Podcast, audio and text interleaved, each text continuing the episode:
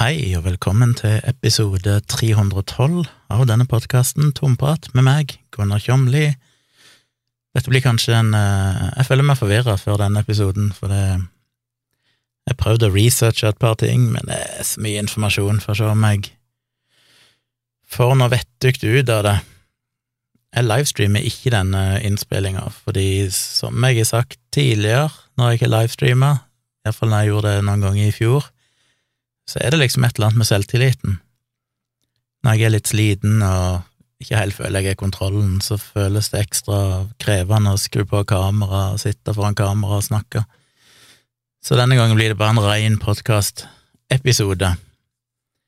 Og de som er patrions, som vanlig, får jo denne før alle andre. Jeg legger den ut med en gang jeg har spilt den inn, så dere får den rykende fersk inne på patrion.com slash tjomli. Og alle dere andre får den i løpet av tirsdag ettermiddag. Jeg kan vel allerede nå si at det vel ikke blir noen episode på fredag, for jeg skal til Oslo igjen i slutten av uka. Mer fotografering. Jeg er jo veldig gira på å få fotooppdrag, og i dag fikk jeg jo et par eh, lovende henvendelser. Én henvendelse For jeg sendte ut noe, la meg kalle det spam.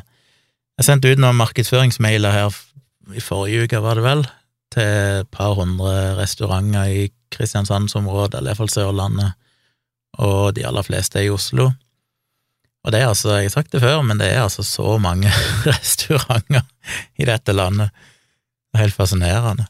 Når jeg begynner å prøve å finne kontaktinformasjon, så sjekker jeg gjerne sånn Aftenposten og forskjellige Hva er heter ja, de her forskjellige appene og diverse som anbefaler spisesteder i forskjellige byer rundt om i verden som jeg finner på nettet, og bare prøver å gå gjennom én og én og klikke meg inn på nettsiden og ser om det kan være en relevant kunde, og så prøver jeg å finne e-postadresse.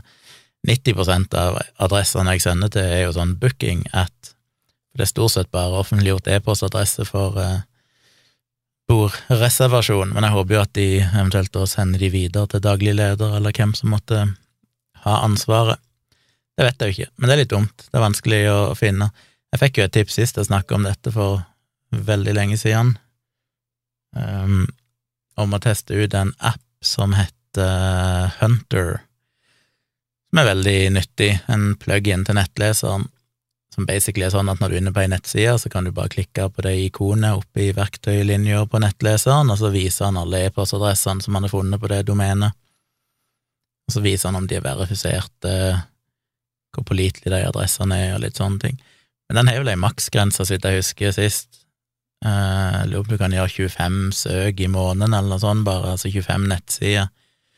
Og når du har brukt opp de, så får du ikke gjort noe mer uten å kjøpe abonnement, og det abonnementet var jo smelldyrt, så jeg kan ikke overbruke den pluginen, det er for dyrt, men den kan være nyttig til enkelte ting.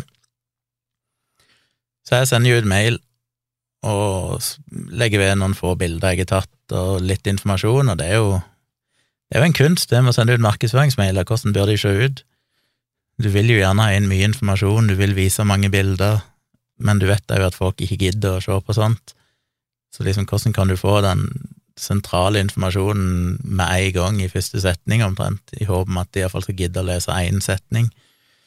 Så det er krevende. Jeg har prøvd litt forskjellige ting, og det er ikke så mye respons, men det er jo der jeg har fått de kundene jeg har så langt, og nå fikk jeg en henvendelse fra en, eh, en dude som drev eh, en hel rekke med indiske restauranter i Oslo, som var interessert. Så jeg snakket med han på telefonen òg, og sendte han en avtale, og hvis han går for den, så er det veldig kult. Da har jeg en ny fast uh, avtalekunde på restaurantfotografering, og da får jeg òg rullert litt mellom forskjellige restauranter i Oslo. Og så er det en annen uh, restaurant som jeg vet hvor er, jeg har gått forbi mange ganger, som òg tok kontakt. Jeg håper jeg kan få til noe der òg. Litt usikker på om han vil ha fast fotografering, eller om det var bare snakk om ett fotooppdrag for å ta bilde av restauranten, men uansett, hyggelig. Så igjen, hvis du kjenner noen som driver et spisested, en pub, en bar, en restaurant, et eller annet, veldig kult om dere henviser de til, til meg, eller ber de ta en kikk på foto.tjomli.com. Der er det en egen, eh, en egen side som bare handler om restaurant og matfotografering, så kan du jo se litt bilder og ta kontakt med meg. Og ellers selvfølgelig alle andre typer fotooppdrag, enten det måtte være bryllup eller bedriftsfotografering eller events som trenger å dokumenteres. Konserter hadde vært kult å prøve seg på. Men sjekk ut foto.jomli.com, hvis dere vil se litt utvalg av bildene jeg har tatt før. Jeg eh, var jo hadde en liten Jeg er jo nylig blitt medlem av eh, eh Norsk Fotografforbund, og dermed òg Sørlandske Fotograflaug, som er på en måte si, lokallaget her på Sørlandet. Og jeg har vært og truffet dem en gang før, tilbake i, i vår en gang, var det vel, eller var det juni, jeg husker ikke, men før sommeren en gang, så var jeg på en sånn greie borte i Arendal, der de egentlig ja, hadde et sånn lite fotokurs som var ganske meningsløst, men, men det var hyggelig å sitte og spise med de og bare liksom møte folkene og sånn, og føle at ok, nå har jeg lyst til å bli kjent med andre fotografer. Og så er jeg jo da en del av en sånn lukka Facebook-gruppe for uh, sørlandske fotograflaug uh, Fotografi Fotograflaug, Ja, så merkelig navn. Uh, og der ble det posta en post av ei som bor rett borti nabolaget her på, i Vennesla, faktisk, en fotograf, som sa at hun skulle ha en liten fotogreie nede i Hunsfoss fabrikker. Og det er jo et veldig fint område, som jeg snakket om litt når jeg flytta her til Vennesla. Det er bare to minutters kjøring ifra der jeg bor. Eh, gamle Hunsfoss papirfabrikk, tror jeg det var, som eksisterte i til alle tider, men ble nedlagt for noen tiår siden, på 80-tallet eller et eller annet sånt. Og så er det jo leie dødt lenge, men så har det jo da blitt uh, eh, pussa opp mye av disse gamle fabrikklokalene og brukt til nærings, uh, næringslivet både med restauranter og frisører og alt mulig, reklamebyrå og mye forskjellig. Og det er utrolig kule sånn gamle mursteinsfabrikkbygninger som er pussa opp og ser jækla kule ut. Men noen av de fabrikklokalene er jo fortsatt tomme, og hun hadde fått tilgang til en av de, og inviterte de som hadde lyst til å være med for Sørlandske Fotograflaug, til å bli med, ta med litt, ta med kamera, ta med lys. Så hadde hun skaffa en modell, og så skulle vi ta litt bilder der inne. De som følger med på Snapchat, så kanskje jeg la ut noen uh, små videosnutter i storyen min. Jeg bruker ikke Snapchat ofte, men akkurat da gjorde jeg faktisk det. Og da var vi rett og slett inne i en gammel fabrikk, helt død. Dette var på kvelden òg, så det var mørkt ute, og det var kålmørkt der inne, så det eneste lyset vi hadde, var det lyset vi hadde på mobiltelefonene, og ja, det fotografene hadde med av LED-lys til fotograferinga. Det var litt sånn scary, for det, det er en svær hall, og så er hele midten er liksom gravd ut. Gulvet forsvinner der, sånn at det er en svær firkant, stor som en fotballbane, holdt jeg på å si. Ikke så stor, men uh, avlang, eh, rektangulær, svær greie, sikkert 50 meter langt og 6-7 meter bredt, eller noe sånt. Hvis du trør feil, så raser du, og så faller du ned der, da, til etasjen unna. Det er det ikke sikkert den overlever. Og så var det litt sånn hull i bakken rundt forbi, og som var dekka litt sånn provisorisk til med noen, med noen uh, sponplater eller et eller annet sånt, så en måtte se seg før når en var der inne. Det var liksom et risikoprosjekt. Men jækla kult, med sånn skikkelig nedslitte fabrikk- eller mursteinsvegger der det hang ut røyer og ledninger, og ja, bare veldig, veldig kult. Så vi var der, jeg var selvfølgelig litt nervøs, jeg føler meg alltid som en ekstremt amatør. De fleste andre som er der, har jo drevet med foto i alle år og jobba profesjonelt med det, eh, og er gjerne utdannet innenfor det, så jeg føler meg jo veldig sånn fersk, selvlært, bare drevet på noen få år. Men jeg tok nå med et par blitser og kameraet mitt og sånn, og tenkte for å se hva dette er for noe, om ikke annet så er det jo gøy å bare se hvordan de andre jobber.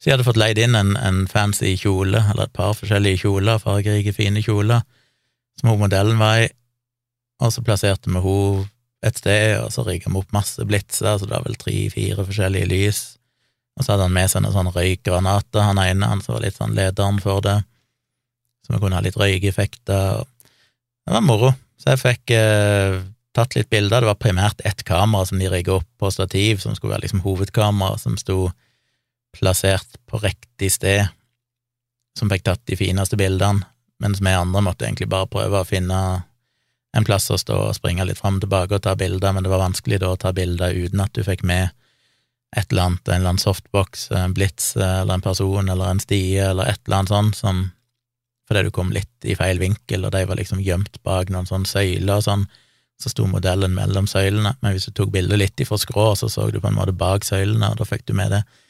Så derfor ble jo ikke bildene optimale. Men, eh, men ja, veldig kult. Etter vi hadde vært der, så gikk vi inn i, ned i en enda større kjeller, som, eller sånn gigantisk hall, der det heldigvis ikke var noe hull i gulvet. Men det var kålmørkt, så vi måtte jo bare famlokke rundt og bruke mobiltelefonene og skru på flashlighten på mobiltelefonene og prøve å navigere rundt. Eh, men en kul eh, seanse, vi holdt på to-tre timer. Jeg fikk eh, tatt en del bilder, redigert en del av de, la ut i et album. Jeg har vel også lagt ut noen på Facebook-sida mi, Tjomli foto, så hvis dere vil se bildene, så sjekk ut Tjomli foto på Facebook, og følg gjerne den sida for moro skyld. Altså, jeg prøvde å legge det ut på Instagram, men plutselig nekter Instagram meg å publisere bilder. Jeg får publisert bilder på Civix-kontoen min, altså den vanlige private kontoen, der jeg stort sett bare legger ut ja, primært er det reklame for nye episoder Dialogisk og Virkelig grusomt, så jeg posta jo en ny episode av Virkelig grusomt i dag, og den funka helt fint, men når jeg switcher over til Tjomli foto, så får jeg bare en error hver gang jeg prøver å poste bilde. Jeg har prøvd å logge ut av kontoen og logge inn igjen, og prøvd å poste uten å kryssposte til Facebook og andre ting, bare liksom en ren Instagram-post. Uansett, så bare feiler den med en gang med en sånn error, og så må du prøve igjen seinere, men jeg har prøvd igjen i evigheter uten noe suksess. Så gudene vet, jeg prøvde å ristarte telefonen, siste utvei er å avinstallere hele Instagram-appen og installere den på nytt, logge inn igjen på alle kontoene på nytt. For jeg har jo litt konto, jeg har jo både min Civix-konto og Tjomli Foto og Dialogisk. Ja, det er vel egentlig bare de tre jeg bruker. Jeg hadde vel noen andre konto til noen andre prosjekter tidligere, men de trenger jeg for så vidt ikke å Jeg vet ikke om de finnes lenger. Men iallfall de tre. Så det er jo selvfølgelig gjort på noen minutter. Men uh, mulig jeg må prøve det hvis ikke det løser seg. Jeg hadde et håp om at det var en midlertidig feil hos Meta eller Instagram eller Facebook, men uh, det ser ikke sånn ut siden det virker på den andre kontoen, så Irriterende, for jeg har lyst til å dele bildene på Instagram òg. Skal jo få lagt de ut på Vero-appen for de som følger meg der. Jeg snakket jo om den i en tidligere episode. Det er liksom den nye appen som de fleste fotografer, eller de fleste kanskje tar hardt i, men veldig mange fotografer har begynt å bruke. Fordi den ikke er algoritmestyrt, du får jo bildene i større format, uten, ja, i mye bedre kvalitet på bildene når du legger de ut der og sånn. Så jeg prøver å poste det samme på Vero som jeg poster på Instagram når det gjelder ren sånn fotogreie. Så må jeg jo snart endre brandingen min. Jeg venter jo, nå har jeg jo fått gjort alt med det nye selskapet mitt, som heter Qualia AS, som er stifta, og jeg har betalt inn aksjekapital, og søknaden er sendt til Samordna registermelding, eller hva det heter, i Brønnøysund, men der har de en behandlingstid på et sted mellom to og tre uker. Så jeg får ikke noe organisasjonsnummer og sånn for det er ferdig, så i løpet av om et par uker, kanskje, bør jeg vel ha det i boks. Og da kan jeg begynne å flytte lisenser og diverse tjenester jeg betaler for og sånn over på det nye firmaet, opprette en ny fikenkonto så jeg kan føre regnskapet til det nye firmaet. Eh, ja, alt mulig som må over der, i tillegg til å endre avtaler med nytt navn og logo, og endre nettside, og Instagram, Instagram-kontoen må vel også endres.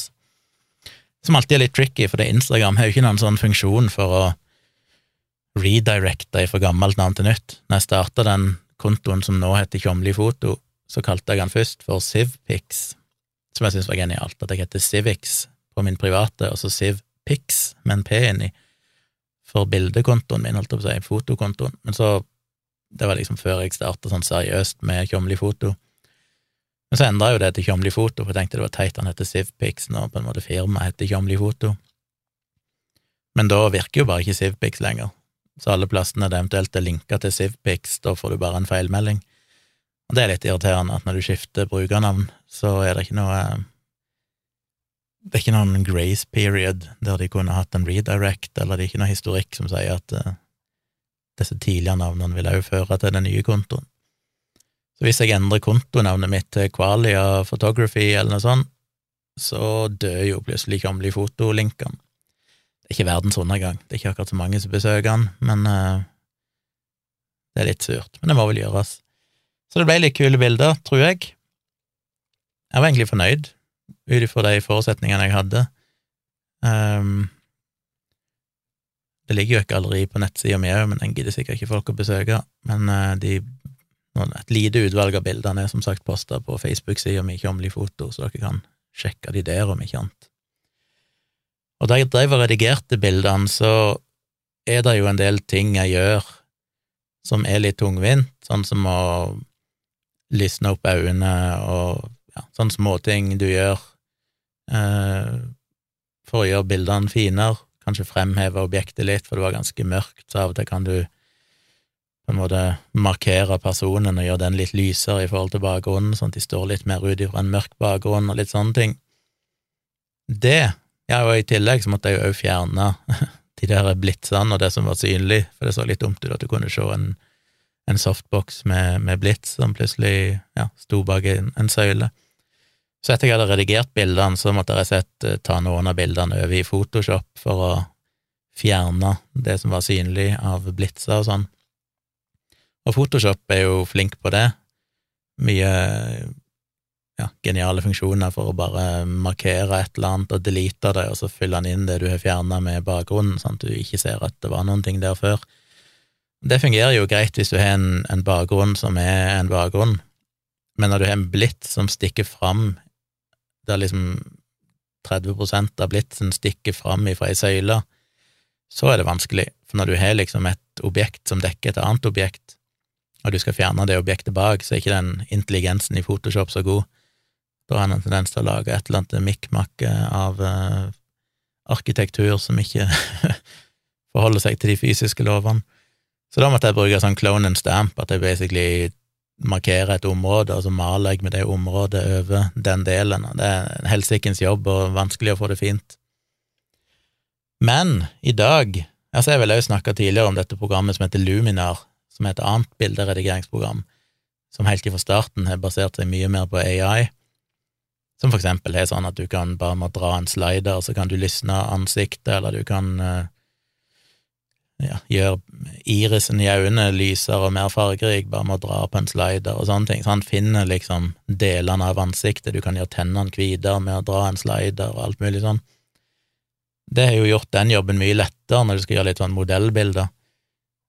Men omsider, i dag, så kom det en oppdatering av Lightroom, som jeg bruker, Adobe Lightroom Classic, som har fått mye av den samme kunstig intelligensen bygd inn og det kommer til å spare meg for så mye arbeid, for nå kan han automatisk gjenkjenne mennesker i bildene, og han kan automatisk isolere lepper og tenner og hud og øyne og hår og bakgrunn og hele mennesket og sånne ting.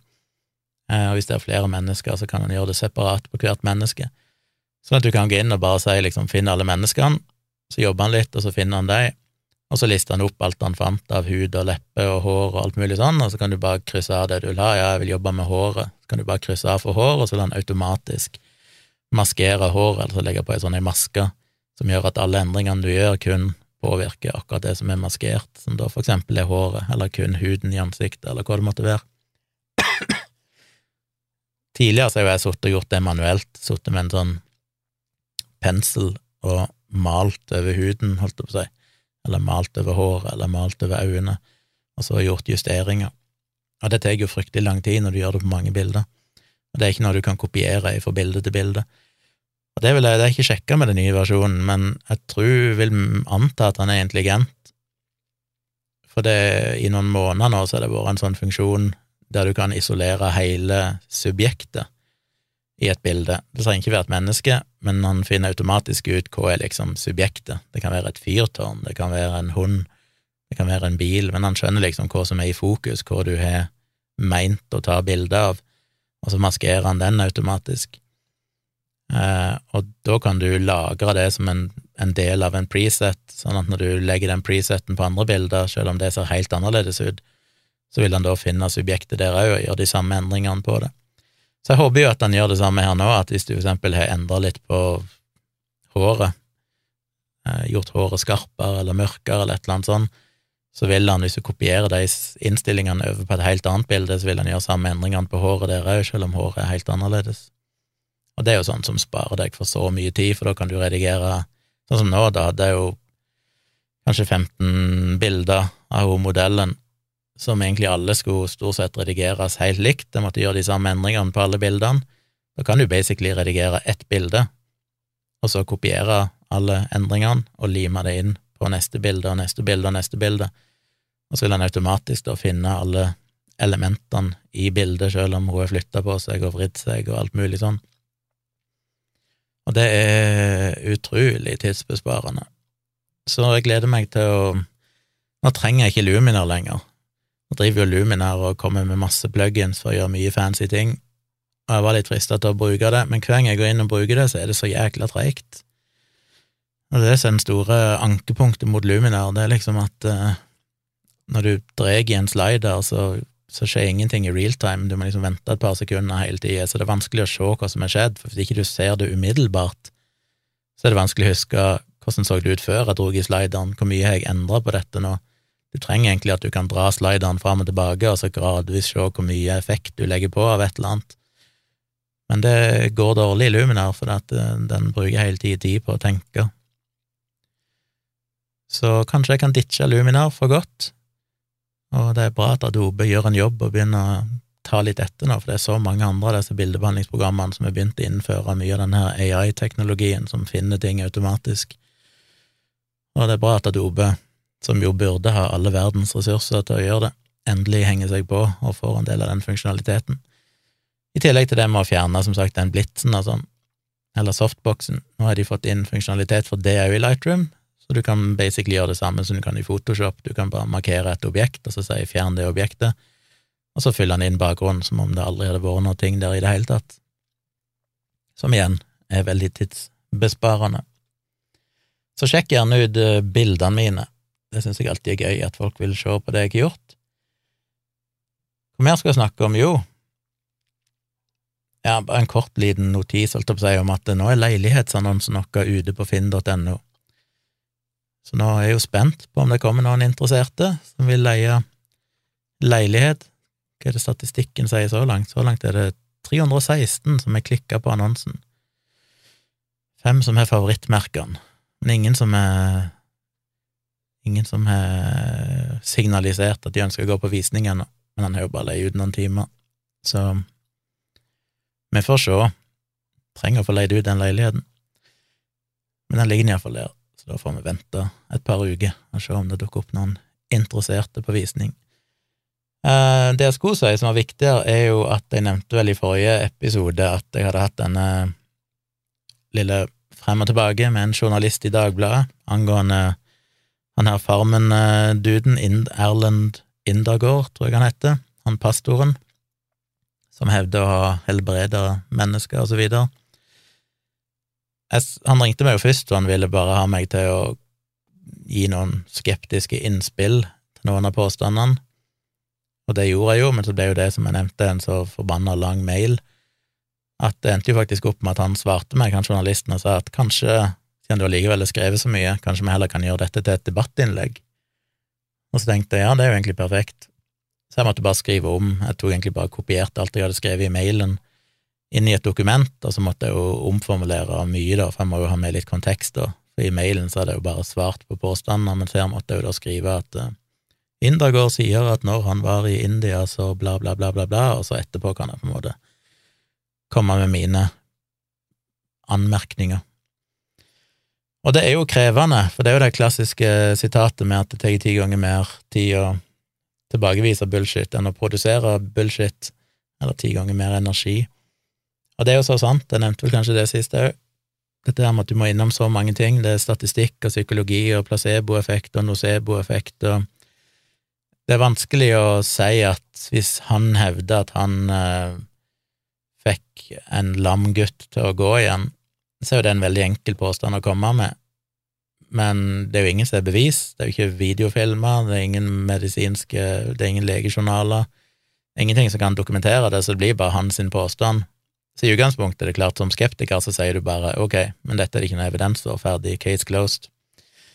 Men jeg har jo lyst til å overbevise de som leser dette eller hører det, og tenker at oi, shit, det høres jo overbevisende ut. Og da er det mye du må forklare, for du kan liksom ikke bare si at det går ikke an, derfor så er det åpenbart ikke sant. Og det er jo realiteten, ikke sant. Dette går ikke an, du kan ikke bare ta på en person, og så blir de friske for å være lamme. Men, men hva er det som gjør at kanskje Inda går tror at han er helbreda gutten, og hvis Lakke tar for gitt at historien stemmer, at gutten faktisk gikk ifra å være lam til å plutselig noen timer seinere kunne sparke fotball og så videre, fins det en forklaring på det som ikke er overnaturlig? Og det er da en må inn med så mye. Så det ble jo mye. Jeg endte jo opp med en tekst på ja, hva var han? På slutten så var han vel 16 000-17 000 tegn, eller noe sånt. Og det er jo en lang tekst. Ofte når jeg har skrevet innlegg til aviser, så får du ofte en begrensning på kanskje 3000 tegn, eller i beste fall 5000 tegn. Og det er liksom omtrent det de vil strekke seg til. I teorien så kan de jo ha så lang tekst de vil, så lenge det er på nett, så er det jo ingen lengdebegrensning, sånn som det er i en papiravis, der du faktisk har en, en fysisk begrensning. Men, uh, men, på nett kan de jo det, det er bare det at de vel i utgangspunktet ikke tror at folk er interessert i å lese for lange tekster, og det er jo skeptikerens uh, Hva det heter hemsko, er det det heter? Eh, det er det som er vanskelig, for du har dette her med at det krever mye mer energi og tid og, dokumentasjon på å tilbakevise en påstand, og derfor er det så mye lettere å nå ut i media med å si et eller annet som høres fantastisk ut, men så er ikke media så interessert i de der lange forklaringene på hvorfor dette er feil, og da blir det ofte til at de intervjuer en eller annen fagperson eller en skeptiker eller et eller annet som får to setninger som sier at nei, dette stemmer ikke, men det overbeviser ingen, og jeg har jo ranta om dette i livestreams, dette her med at jeg er jo ikke noen tilhenger av 90% av de debattene som foregår i avisene. Selv om jeg er enig om det er folk som skriver om eh, pro vaksine, at det er viktig å vaksinere seg, det er viktig med covid-vaksine, alt dette her, så er de alltid bare sånne korte meningsartikler som stort sett fokuserer på moral, eller hvis det er vært skrevet om en fyr som eh, Durek, sjaman Durek, så heller enn å gå inn og se hva det han faktisk påstår, og hva er evidensen for det, og hvordan kan vi forklare det, så blir det bare en sånn dette stemmer ikke, og dette er farlig. Det blir 99% moralisering, der det bare at dette er uetisk, og dette er ikke greit, og dette er skadelig under en pandemi, må vi alle stå sammen, og bla, bla, bla. Mens det jeg alltid har gjort i bloggen min, enten det er vaksine eller det er når jeg eh, gikk inn og så på Michael Winger som hevda ha funnet døde personer som var bortkomne og sånn, så setter jeg meg ned og bruker timer og dager på å hente fram kart, granske lokalaviser, granske Facebook-ting som er skrevet for å prøve å komme til kilden, sånn som med Michael Winger, så fant jeg for eksempel ut at det var ei nettside der de som leide samkjørt informasjonen sin, som bare ingen visste om, egentlig, som jeg til slutt klarte å finne og kunne gå inn og se hva som var skrevet der i prosessen, hvordan de hadde planlagt leiding og sånn. Eh, og så i lokalaviser og alt mulig sånn, og så fant jeg til slutt ut at den historien til Michael Winger stemmer jo ikke. Eh, Sammenligna der han sa han hadde gått med, med, det, med forskjellige kartutsnitt, og eliminerte de områdene som søkemannskapet i dette dokumentet sa de allerede hadde gjennomsøkt, for å se hva det som sto igjen som ikke var gjennomsøkt da Michael Winger ble kobla inn i saken, og så. Og til slutt fant ut at uh, han verken fant denne døde personen, som jo viser seg å stemme ettersom en en, eh, en, av de personene som var i leidemannskapet, endte jo faktisk opp med å ringe meg personlig på telefonen og si at han var så glad for det jeg hadde skrevet, for de var jo så irritert, for det, det var jo en i leidemannskapet der som hadde funnet denne døde personen. Det var jo ikke Michael Winger, men han gikk ut i media, og TV 2 og alle tok jo agnet og fremstilte det som at han hadde funnet han. Og det er det jeg tror er effektivt. Altså, du må gå så detaljert til verks, for da er det sånn, da handler det ikke lenger om moral eller meninger, da handler det om ok, her er evidensen, her får du det servert, uansett om du måtte tro på at Michael Winger har mirakuløse evner, så er det liksom svart på hvitt der at her beviser jeg mer eller mindre at det han sier, ikke stemmer. Og det er jo det jeg prøver å gjøre i vaksinespørsmålet òg. Jeg sier ikke bare at å, noen skriver at Steigan skriver at vaksinene er farlige, men dette er umoralsk. I en pandemi så må vi alle Nei, jeg går inn og ser på de konkrete påstandene, graver fram japanske, obskure studier, bruker Google Translate for å finne ut hva som står der, og prøver liksom å vise helt detaljert hvorfor ting er feil, og, og finne ekspertuttalelser og alt mulig. Og det er det jeg har lyst til å gjøre her òg. Jeg vil ikke bare avvise healing på grunnlag av at nei, men det vet vi ikke virker. Fordi hvis du da tror på det, så betyr jo ikke det noen ting, da, da er jo vi bare i ledetog med djevelen eller et eller annet sånt. Jeg vil jo faktisk prøve å forklare.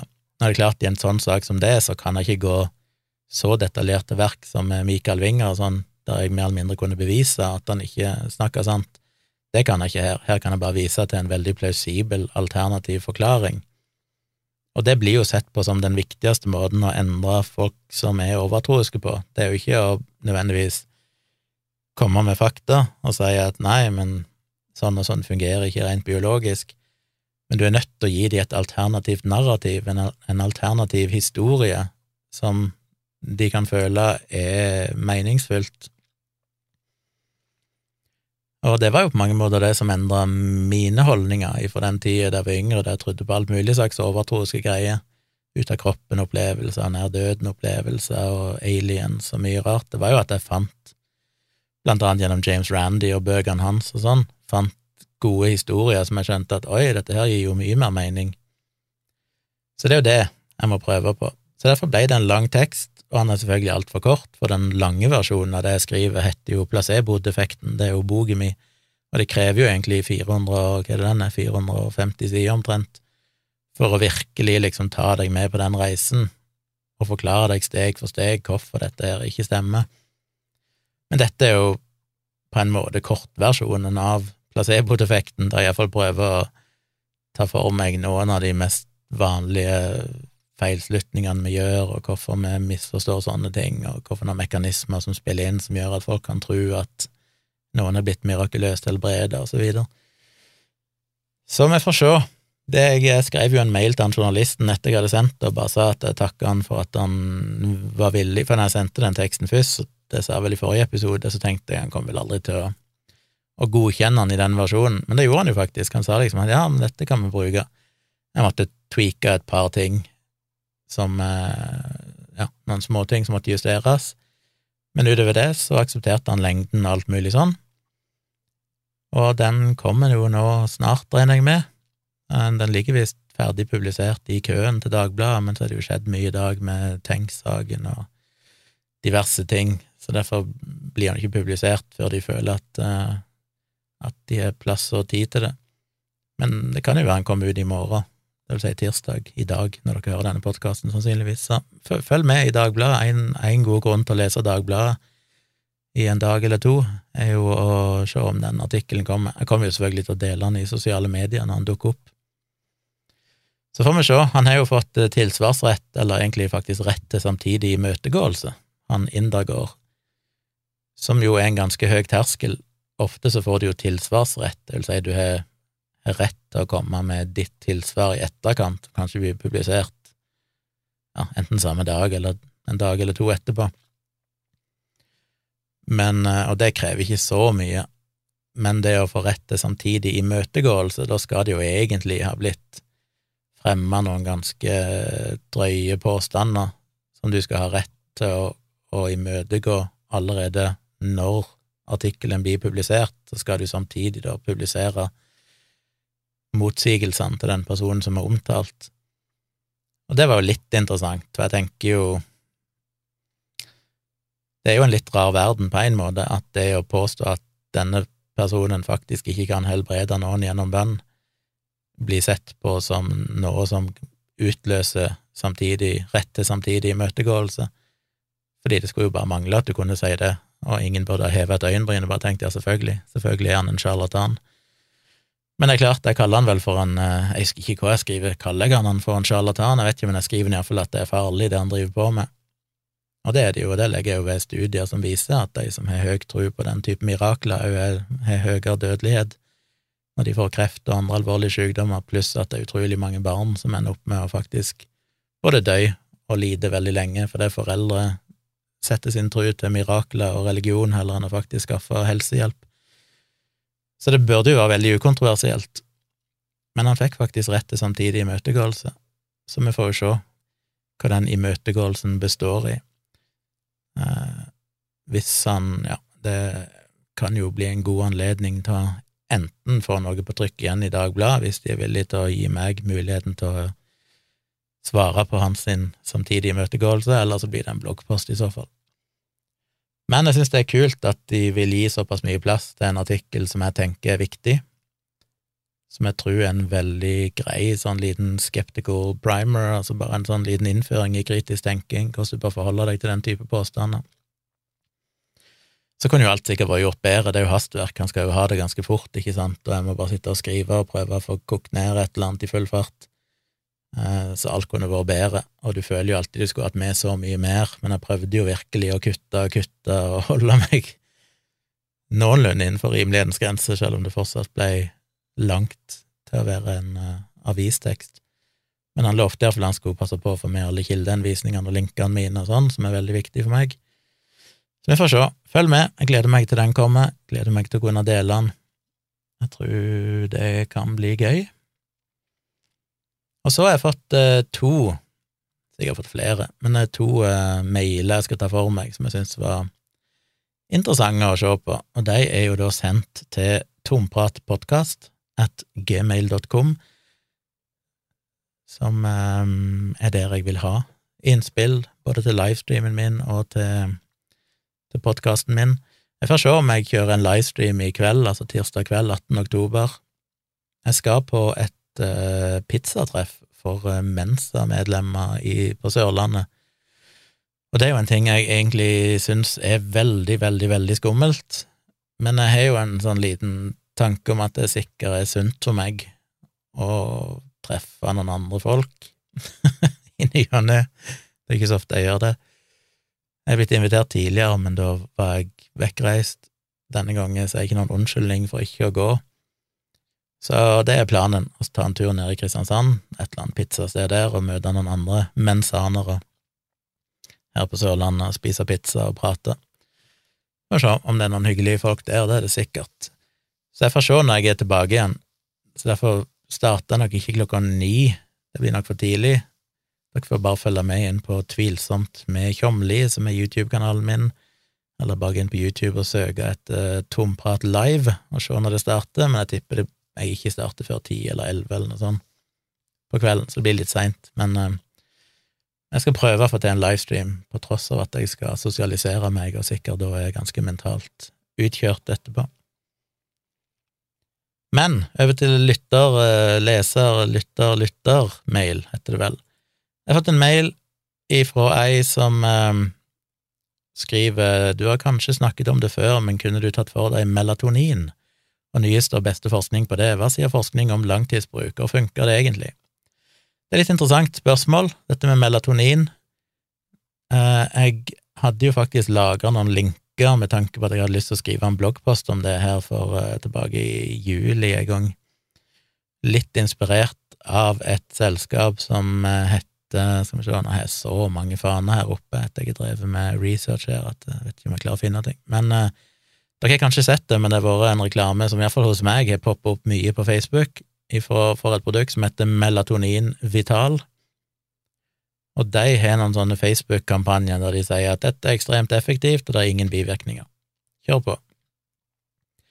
Og da kan du altså gå inn og bestille Melatonin Vital i 30 dager Eh, de hevder at det er dokumentert effekt, de hevder at det er ingen bivirkninger, og så hvis ikke du sier det opp, så blir du selvfølgelig fakturert for nye eh, hver fjerde måned, så får du en faktura på en 1200 kroner og får tilsendt de her tablettene i posten jevnlig, som er interessant. Men det de skriver her, da, hos Melatonin, Melatonin Vital, eh, det er at det er for deg som sliter med å sovne, våkner gjennom hele natten, er sliten grunnet dårlig søvnkvalitet, har varierende søvnkvalitet, ønsker et naturprodukt, vil ha et reseptfritt alternativ. Og så skriver de hvorfor melatonin vital, hormon som skapes naturlig i kroppen, ikke vanedannende, kan bidra til forbedret søvnkvalitet, kan bidra til raskere innsovning, dokumentert effekt, produsert i Norge, ingen bivirkninger, og så videre. Og så har de da selvfølgelig en studie de viser til som sier at eh, hva den sto. En undersøkelse som viste at 92 får bedre søvn, og det er jo imponerende. Men hvis vi ser på hvem som eh, er spurt, så er jo det en eh, kundeundersøkelse som de har gjort sjøl blant 764 melatonin-vital kunder, Da kan du jo snakke om representativt utvalg, for det, de har altså spurt kunder som faktisk abonnerer på Melatonin Vital. De skriver ikke her hvor grensa de er satt, jeg vil anta at de kun har spurt folk som faktisk har brukt det over lengre tid, som da selvfølgelig betyr at det er folk som i utgangspunktet mener at det virker, for ellers ville de ha sagt opp abonnementet sitt. Så de har basically spurt folk da som tydeligvis bruker dette produktet fordi de mener at det virker, om de føler at det virker, og 92% føler det, da. Eh, så det er jo ikke spesielt eh, interessante tall. Og så er det jo intervju med eller sånn sitat fra en sykepleier, Hilde Thoresen, 52 år. Som sykepleier er man av natur litt skeptisk til både medikamenter og kosttilskudd, men hun hevder selvfølgelig at det virker veldig godt for henne. Jeg vet ikke om jeg er enig i det. Mitt inntrykk av sykepleiere er jo at de ikke nødvendigvis er så veldig skeptiske til kosttilskudd og alternativ terapi. Det er jo egentlig en ganske skremmende stor andel av ja, Nå skal jeg ikke Nå har jeg ikke noe tall på det. Det er mulig at det er bare inntrykket mitt, men det er iallfall sett sjokkerende mange sykepleiere som ser ut til å være veldig positive til alternativ behandling, og, nå er jo under pandemien, for eksempel, har vært ganske kritiske til vaksinering og så videre. Så det å være sykepleier er ikke nødvendigvis det beste beste, hva heter det, legitimitetsstempelet, eller argumentet, for akkurat å bli tatt på alvor der. Men hva er melatonin? Vel, melatonin er et uh, naturlig hormon som blir produsert i kroppen. Det er noe de har oppdaga Skal vi se, om bare finne den rette artikkelen her. Der det var en grei oppsummering. Det ble oppdaga tidlig på 1900-tallet. Så oppdaga de at uh, en kjertel i hjernen skilte ut en substans som hadde noen effekter på kroppen, og selve hormonet melatonin fikk visst navnet sitt i 1958. Og de har funnet reseptorer for dette hormonet både i hypotalamus og i diverse andre mange organer i kroppen, og så. Og det er jo et naturlig stoff, det finnes i utrolig mange, ikke bare mennesker, men i både bakterier og sopper og alger og forskjellige dyr og så de fleste, til og med i planter, så det er veldig, veldig utbredt i naturen. Og det følger jo da syklusen til lyset, som betyr at på dagtid så er det nesten ikke detekterbart i kroppen. Det er ikke instrumenter som er sensitive nok til at du klarer å måle melatonin i kroppen. Men på kvelden, når det begynner å bli mørkt, så begynner kroppen å produsere melatonin, og det piker visst sånn i tre-fire tider på natta. Så det følger jo, eller styrer eventuelt, denne cirkadiske rytmen som styrer når du er våken og når du sover. Du begynner jo å produsere dette hormonet allerede noen uker etter du er født, og fortsetter med det hele livet, selv om det synker litt med alderen, så det er ofte derfor eldre folk kan ha litt søvnproblemer, vanskelig for å, å sove. Og så er jo spørsmålet hvordan blir det brukt, og virker det egentlig, og er det trygt å bruke over lang tid? Og der er det jo ikke nødvendigvis bare enkelt å, å, finne et svar, selv om jeg kan gi et ganske generelt og greit svar, tror jeg, som skal være korrekt. Hva i all verden ble det av den linken? Det jeg baserte meg på, er et nettsted som heter UpToDate, som jeg veldig ofte bruker, uptodate.com, eller så bare googler jeg et eller annet stikkord, og så slenger jeg på ordet UpToDate, og da får du som regel søkeresultater på UpToDate. Det er jo en veldig blir regna som en av de mer sånn eh, seriøse, gode nettsidene, som vel er laga for helsepersonell primært, som gir en sånn veldig grundig, veldig detaljert oversikt over forskjellige behandlingsformer, og hva vi vet, og hva forskningen viser, alt mulig sånn. Og der er det en artikkel som handler om eh, eh Jeg vet ikke om jeg vil scrolle her nå, for jeg er redd for å ikke finne det igjen. Den heter Pharma, Pharmacotherapy for Insomnia in Adults. Og hvis vi da går ned til For der snakker de først om forskjellige legemidler og sånn som kan brukes, og så går de ned til det som de egentlig kaller for kosttilskudd, rett og slett, som melatonin faller inn under. Selvfølgelig klarte jeg å miste det stedet på sida da jeg var der. Og det er viktig å huske på at melatonin kan vel nå har ikke jeg full oversikt, men jeg har fått inntrykk av at det kan gis i to versjoner. En type tablett som er sånn som du får en dose, og så tar kroppen opp den dosen mer eller mindre umiddelbart. Og så er det en veldig kort halveringstid, så det forsvinner ut av kroppen ganske fort. Halveringstida er vel et sted mellom 20 til 50 minutter, så det er ikke så mange timer før du egentlig er kvitt det i kroppen. Eh, så er det mer vanlig vel å bruke tabletter med, dep med depoteffekt, som betyr at han egentlig frigjør melatonin gradvis over mange timer, sånn at det skal på en måte vare gjennom hele natta. Og tidligere, fram til 2020, eller fram til og med 2019, så var jo melatonin reseptbelagt i Norge. Det var fritt tilgjengelig i veldig mange andre land, men i Norge så er det vært reseptbelagt, og egentlig bare er det anbefalt til bruk hos folk som er over 55 år gamle. Men ifra 1. januar, tror jeg, 2020, så ble det jo faktisk reseptfritt i Norge. Da, så vidt jeg skjønte, kun den versjonen som frigjør alt med en gang, ikke den versjonen med depotfunksjon, som da frigjør litt og litt, den, så vidt jeg skjønte, er fortsatt reseptbelagt. Men etter at det ble frisluppet på den måten, så eksploderte det jo selvfølgelig kosttilskuddmarkedet, med alle da som skal tilby melatonin, blant annet om den her Melatonin Vital som jeg nettopp snakket om. Og virker det eller ikke? Eh, melatonin har jo egentlig aldri blitt regna for å virke mot søvnløshet eller insomnia, for det er ikke en, en eh, skal du kalle det, det er ikke et medikament, hvis vi bruker det ordet, som egentlig hjelper på søvnkvaliteten, eller gjør at du sover. Det han hjelper til, er jo nettopp å fremskynde denne cirkadiske rytmen, og derfor er han jo primært anbefalt hvis du har jetlag, for eksempel hvis du er flydd østover, flydd til USA, for eksempel, og trenger da å komme inn igjen i rytmen, søvnrytmen, så kan du da ta melatonin. Eh, den kan jo anbefales til folk som av andre grunner har forskjøvet døgnrytmen sin og trenger liksom å komme inn i rytmen igjen.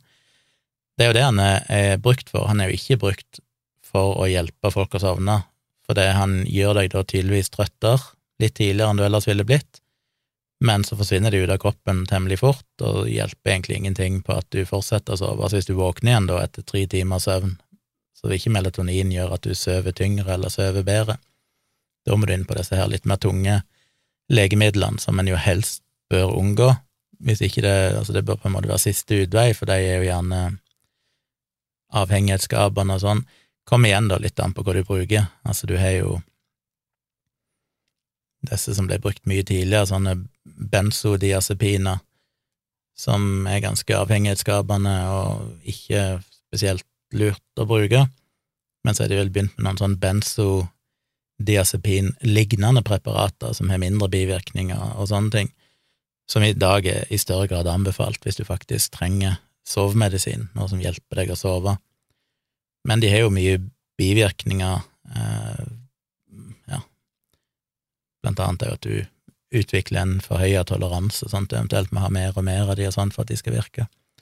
Fordelen med melatonin er jo at den, det ikke er avhengighetsskapende.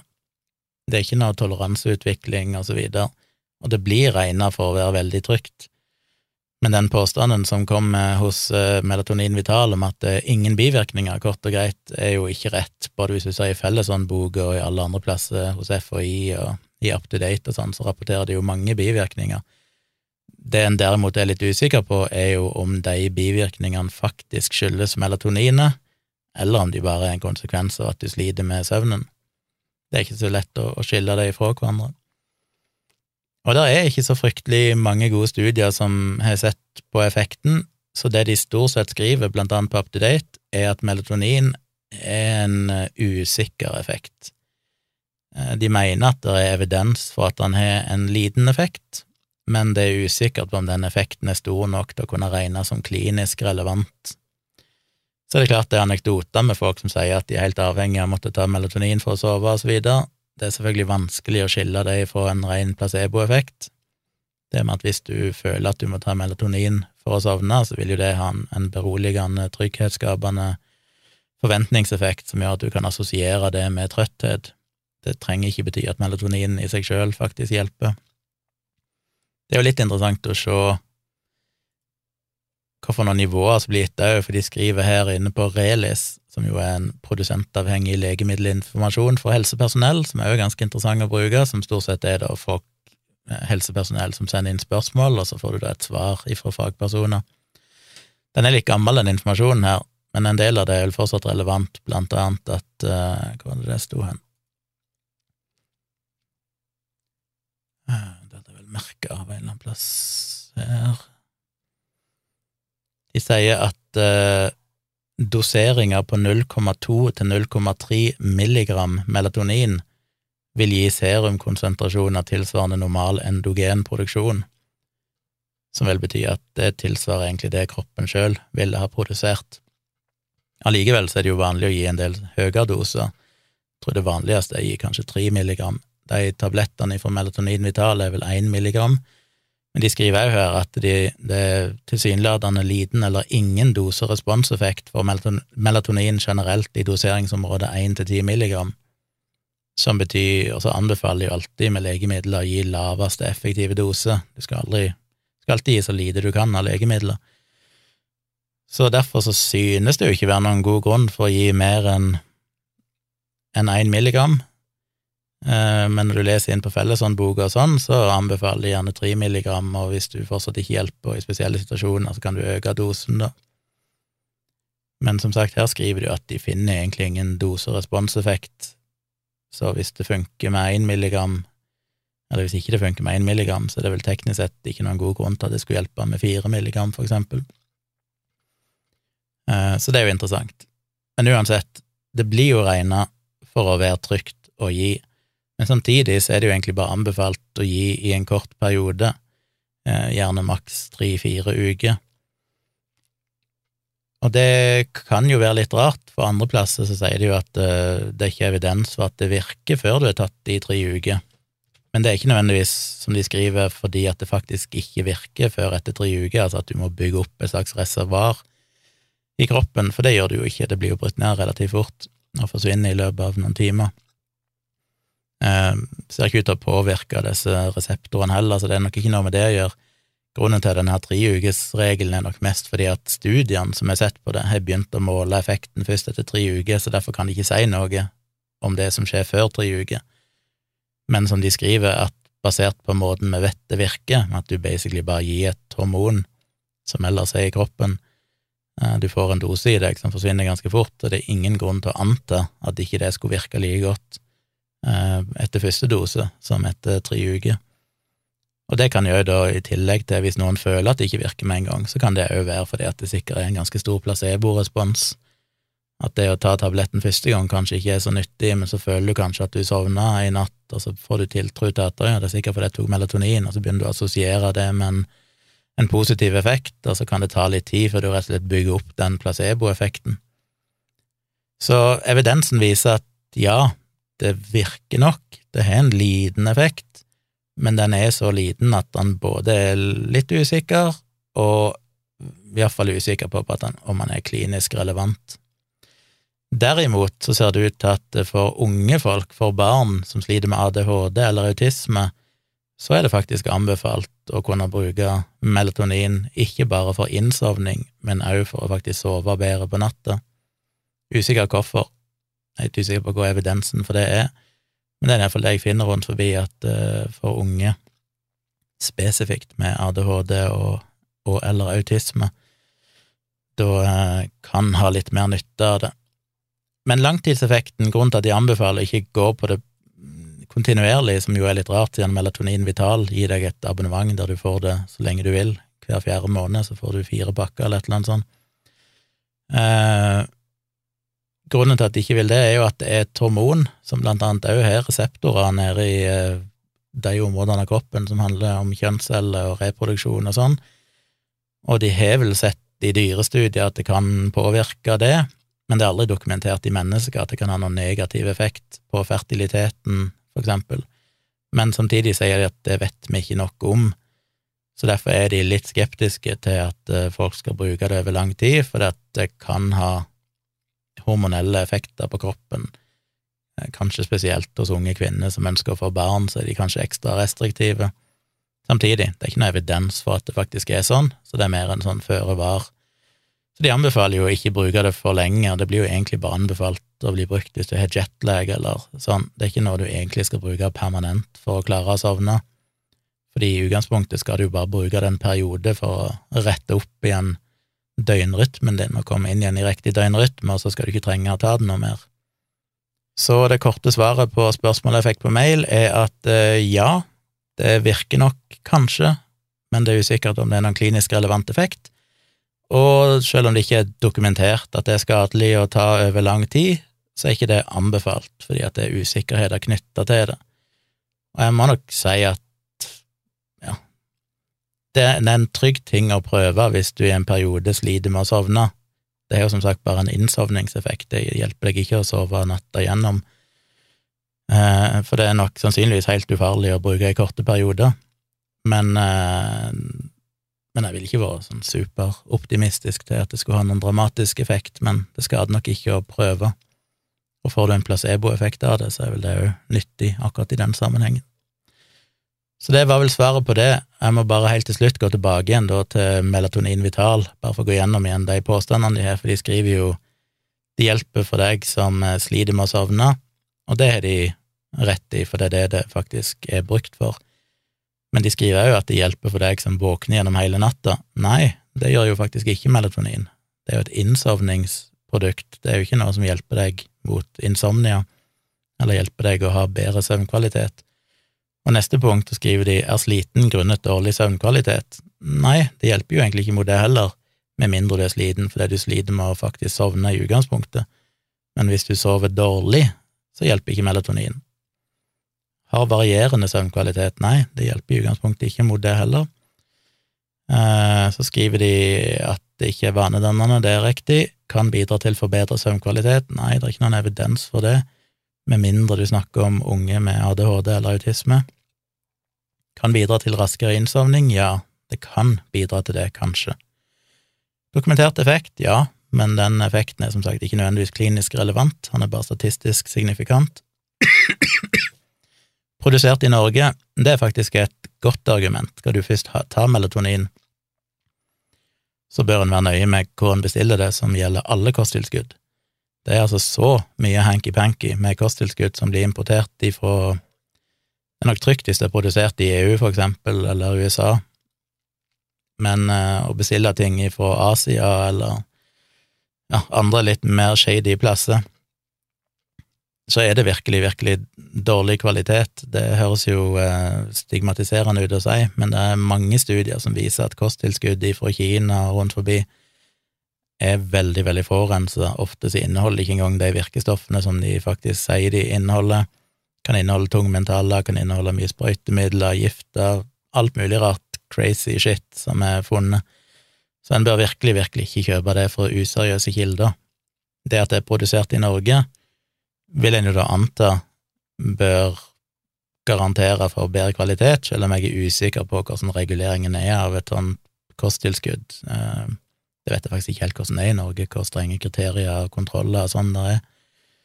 Men i utgangspunktet så burde det være bedre, vil jeg tro. Og så skriver de da at det er ingen bivirkninger, og det stemmer jo heller ikke. De bivirkningene som er oppgitt, som er ganske som en har sett, er jo Hvor var det det sto hen? Eh, det hadde jeg et eller annet sted her. Um, mm, mm. Bivirkninger omfatter hodepine, forvirring, fragmentert søvn, irritabilitet, nasofaringitt, ryggsmerter og atralgi. Men det er som de skriver her, at uh, det kan godt tenkes at mange av de bivirkningene egentlig skyldes helt andre ting, for det er veldig lite sannsynlig at ryggsmerter skulle skyldes uh, bruk av melatonin, selv om det var uh, en av de mest vanlige rapporterte plagene til folk som brukte melatonin. Nei, det var feil. Det var feil. Det var bare i den generelle befolkningen så er jo ryggplager en av de mest vanlige rapporterte plager. Rundt én av tre nordmenn sliter jo med ryggproblemer. Så derfor, og er jo, derfor er det jo liten grunn til å anta at det har noe med melatoninen å gjøre. Men det illustrerer jo veldig godt nettopp hvorfor sånne bivirkningsrapporter er veldig upålitelige. Og når du leser på dette pakkeinnlegget i, i medisiner, og det står lista opp alle disse bivirkningene som er vanlige og mindre vanlige og sjeldne, sånn, så kan jo det virke veldig skremmende, men det trenger ikke ha noen ting med medisinen å gjøre. Det er kun ei liste over alle bivirkninger som er rapportert eh, når de har gjennomført studier på disse legemidlene. det er ikke sjekka om de faktisk har noe med legemidler å gjøre. Så veldig mange legemidler vil jo ha en sånn ting som hodepine. Men det er sånn, ja, men en stor del av befolkningen opplever hodepine ganske jevnlig. Så hvis noen har tatt det legemiddelet og får beskjed om å rapportere alle helseproblemer eller ting de har hatt i en viss periode, eksempel 30 dager eller noe sånt etter de brukte det, så vil gjerne hodepine komme opp, eller ryggsmerter. Eh, men det trenger som sagt ikke ha noen ting med medisinen å gjøre, fordi at det er noe de sannsynligvis ville ha opplevd helt uavhengig av medisinen. De pakkeinnleggene med bivirkninger er jo primært for uh, forsikringshensyn, sånn at hvis de blir saksøkt av pasienter, så kan de si at ja, men det sto jo her at du kan få sånn og sånn og sånn, så de bare helgarderer seg med å rapportere, ramse opp alt de kan finne på som noen noensinne har oppgitt. Så en skal ikke legge for mye vekt på det, og det kan jo faktisk føre til nocebo-effekt og henge seg for mye opp i bivirkninger som er lista opp, du kan faktisk ende opp med å ha større sjanse å oppleve de bivirkningene hvis du bekymrer deg for dem. Eh, så det var vel det jeg hadde å si om melatonin. Jeg legger ved noen eh, linker i shownotes for de som vil lese mer. Og så, nummer to, og nå glemte jeg jo å sjekke den, eh, men det var vel en som sendte meg på Instagram, fy-fy. Jeg vil helst ikke ha sånne ting på Instagram og sånn. Som regel så får jeg ikke det med meg, eller jeg ser det, og så glemmer jeg det vekk. Akkurat denne var såpass interessant at jeg faktisk beit beid meg merke i den. Men, eh, men, uansett, takk for tips. Er han som eh, tipsa meg, selv om jeg vil helst ha det på tompratpodkast.gmail.com, at Sånn at jeg husker det til neste episode, for da ligger det der og venter på meg i innboksen. Men det gjelder den godeste Lotepus, som har lansert sin egen snus. Lotesnus og det har han visst fått uh, mye kritikk for, tydeligvis. Uh, han er jo røyka mye før, og så fikk han påvist strupekreft og måtte operere og hatt masse strålebehandling og sånn, men ble friskmeldt i 2019. Og så går jo han ut og lanserer sin egen snus, for det har hjulpet han å slutte å røyke, og hevder at det ikke er bevist at det er helseskadelig å snuse. Men Helsedirektoratet derimot sier at snus er helseskadelig og avhengighetsskapende, og på Folkehelseinstituttet sin nettside så kan du jo lese om alle helserisikoene ved snusbruk. Og generalsekretær i Kreftforeningen, hun eh, tar veldig avstand fra hans påstand om at snus er bedre enn røyk, og så sier hun at eh, å påstå at snus er sunt, er helt feil. Nikotinen i snus er også svært avhengighetsskapende og slett ikke sunn, sier generalsekretæren til Nettavisen. Og jeg har mye å si om dette, det ene spørsmålet er jo er det farlig å snuse, eller er det ikke det? Det skal jeg se på etterpå, men eh, det er ingen tvil om at snus er bedre enn røyk. Der har jo Lotepus rett. Selv om, som vi skal se seinere, så er neppe snus eh, ufarlig, så er det med veldig stor grad av sikkerhet mye, mye, mye tryggere enn å røyke. Og så sier hun generalsekretæren i Kreftforeningen at å påstå at snus er sunt, er helt feil. Jeg skjønner aldri det, en sånn påstand, for det er, altså, hva mener hun med sunt? Det er vel ingen som har sagt at det er sunt, men sunt er jo et veldig vanskelig ord å bruke, for når folk hører ordet sunt, så tenker de i utgangspunktet at det er noe som utelukkende er positivt. Men det er jo ingenting som bare er bra eller bare er dårlig. Altså når du snakker om sunn mat, det er i utgangspunktet ingen mat som bare er sunn. Det handler jo alltid om kombinasjonen, totalen av alt du spiser. Hvis du utelukkende spiser epler og lever kun på epler, så er jo epler i seg sjøl i gåsehudet sunt, men hvis ikke du får i deg noen ting annet, så vil du fortsatt ha et usunt kosthold. Eh, du kan òg spise deg overvektig på sunn mat hvis du spiser for mye av det, og så videre. Så det er alltid vanskelig å bruke ordet sunt, det er så utrolig misvisende. Og her er det jo ingen som påstår at snus er sunt. Jeg ser ikke at Lotepus sier at snus er sunt, han sier at det er bedre enn røyk. Det betyr ikke at det er sunt, det betyr bare at det er mindre usunt enn røyk, i så fall. Og kanskje hun tolker mindre usunt som at noe er sunt, men det er jo ikke sånn det fungerer. Og så peker hun da med en gang på nikotinen. Og nikotinen er, som jeg har nevnt i tidligere episoder, er i det store og hele ufarlig. Ja, han er avhengighetsskapende. Utover det så er det egentlig ikke noe god evidens for at nikotin i seg sjøl, i de dosene du får det i deg gjennom både tobakksrøyk og snus og e-sigaretter, sånn er usunn.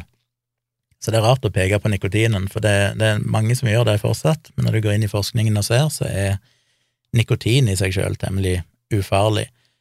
Det som derimot er farlig, er jo de andre stoffene. Det er jo der vi, vi lurer på. Uh, hun, skri, hun, sier jo her da at uh, hun fraråder jo tidligere storrøykere og bruke det som et permanent hjelpemiddel for å slutte å røyke. Og så sier hun at spesielt siden det kan øke risikoen til bukspyttkjertelkreft, bukspyttkjertelkreft, og så videre. Uh, dette er jo et spørsmål jeg ikke var interessert i. Jeg har snakka så vidt om det tidligere, og jeg har jo sjøl snust i fire-fem år nå, etter at jeg òg tidligere røykte, selv om jeg slutta å røyke før jeg begynte å snuse. Så det er egentlig veldig dumt å begynne å snuse. Men, uh, men er snus farlig eller ikke? Og jeg kommer nok ikke til å kunne klare å gi et sånn ekstremt entydig svar på det. En kan jo begynne med Folkehelseinstituttet, som jo slapp en rapport i 2014 som de da oppdaterte i 2019. Og der var de veldig tydelige på at snus på ingen slags måte var ufarlig. De mente at det var mye risiko knytta til snus, eh, det de kaller for svensk snus, da. Og da peker de på eh, ja, studier som en sammenligner snusbrukere med ikke-snusbrukere, eh, kunnskap om egenskaper ved innholdsstoffet, spesielt TSNA og nikotin, dyrestudier med snus, og på grunnlag av eh, kunnskap de har om helseskader ved bruk av andre tobakksprodukter. Og Da har de da gått gjennom eh, tilgjengelig forskning og konkluderer, jeg skal ikke lese alt, for det er en veldig lang liste, men de trekker fram under kategorien kreft, så mener de at det er sannsynlig at bruk av svensk snus fører til en økt risiko for kreft i spiserør og bukspyttkjertel. Så skriver de at det er mulig at bruk av svensk snus øker risikoen for kreft i magesekk og endetarm. Det er mulig at bruk av svensk snus øker dødeligheten etter en kreftdiagnose. Det er usikkert på om det påvirker risikoen for kreft i munnhule og svelgelunge, inngangsåpningen til magesekk, tykktarm og kreft i anus. Det er usikkert om bruk av svensk snus påvirker dødeligheten etter kreft i tykktarm og endetarm, og det foreligger ingen studier som undersøker om bruk av svensk snus påvirker risikoen for kreft hos kvinnene. Så det de sier er sannsynlig at det fører til en økt risiko for kreft i spiserør og bukspyttkjertel, etter det så er det kun enten mulig eller usikkert. Så skriver de under hjerte- og karsykdommer at det er sannsynlig at bruk av svensk snus øker risiko for høyt blodtrykk og øker dødeligheten i etterforløpet av hjerteinfarkt og hjerneslag. Så det eneste de finner som er sikkert der, eller ikke sikkert, men en sannsynlighetsovervekt, at det øker risikoen for høyt blodtrykk, og at det òg kan øke dødeligheten hvis du først har hatt et hjerteinfarkt eller hjerteinnslag. De sier ikke at det øker risikoen for å få hjerteinfarkt eller hjerneslag. Men har du først hatt det, så er bedringen eller dødeligheten høyere hos de som bruker snus. Og så er det litt sånne ting som de mener det er mulig at det kan være, eller usikkert. Eh, ja. Så det er egentlig de viktigste. Den siste jeg må nevne, er diabetes type 2, fedme og metabolsk syndrom, og da skriver de at det er sannsynlig at høyt forbruk, det vil si mer enn fire bokser snus per uke av svensk snus blant menn, gir stor økning i risikoen for diabetes type 2 og for metabolsk syndrom. De vet ikke om det er noen effekt hvis du bruker mindre enn fire bokser snus per uke. Og så er det mulig at det kan føre til vektøkning og øke risikoen for fedme, men det er altså bare mulig. Interessant nok så sier det jo at det er mulig at bruk av svensk snus reduserer risikoen for Parkinsons syndrom. Uh, det er sannsynlig at det øker risikoen for for tidlig fødsel, så ikke anbefalt å bruke snus hvis du er gravid. Og så er spørsmålet hvor godt dokumentert er dette? For det har vært veldig mye diskusjon. Mange som mener at Folkehelseinstituttet egentlig bryter med stort sett resten av de internasjonale fagmiljøene, som stort sett er kommet fram til at snus de ikke finner noen stor risiko knytta til snus, mens da Folkehelseinstituttet mener at de gjør det. Jeg har jo generelt sett stor tiltro til Folkehelseinstituttet og deres gjennomgang av forskning. Eh, de skriver jo spesifikt at de snakker om svensk snus her, og det er ganske sentralt fordi mye av forskningen, hvis du ser på snus eller eh, bruk av tobakksprodukter som ikke røykes, så har den veldig varierende kvalitet rundt om i verden. Det er jo en del studier som finner økt risiko for mange forskjellige sykdommer i for eksempel Asia og Afrika, hos snusbrukere der, men de finner ikke det samme i Europa og kanskje spesifikt Norden, de som bruker såkalt svensk snus. Og det mener de kan være fordi at den svenske snusen er sånn, av at vi har mye strengere regulering her med hvilke stoffer som kan være i, det er mye renere produkt og alt mulig, så er det mye tryggere å bruke, mens i en del andre, på andre kontinenter og andre land, så er det dårligere regulert, så den snusen, den tobakken du får i deg, kan inneholde mye kjemikalier, syntetiske ja, tilsetningsstoffer, whatever, som da kan være farlig, men det finner du ikke da i den mer rene, seriøse, holdt jeg på å si, svenske snusen. Så det er en ting som er viktig i sånne studier, at hvis det er studier som er sett på snusbruk i andre deler av verden, eller som tar med snus fra hele verden, så det er ikke nødvendigvis det er så veldig representativt for den snusen vi får kjøpt, eh, iallfall i Europa, og iallfall i Norge og Norden, som ser ut til å ha mye mindre risiko knytta til seg. Så det er ett aspekt.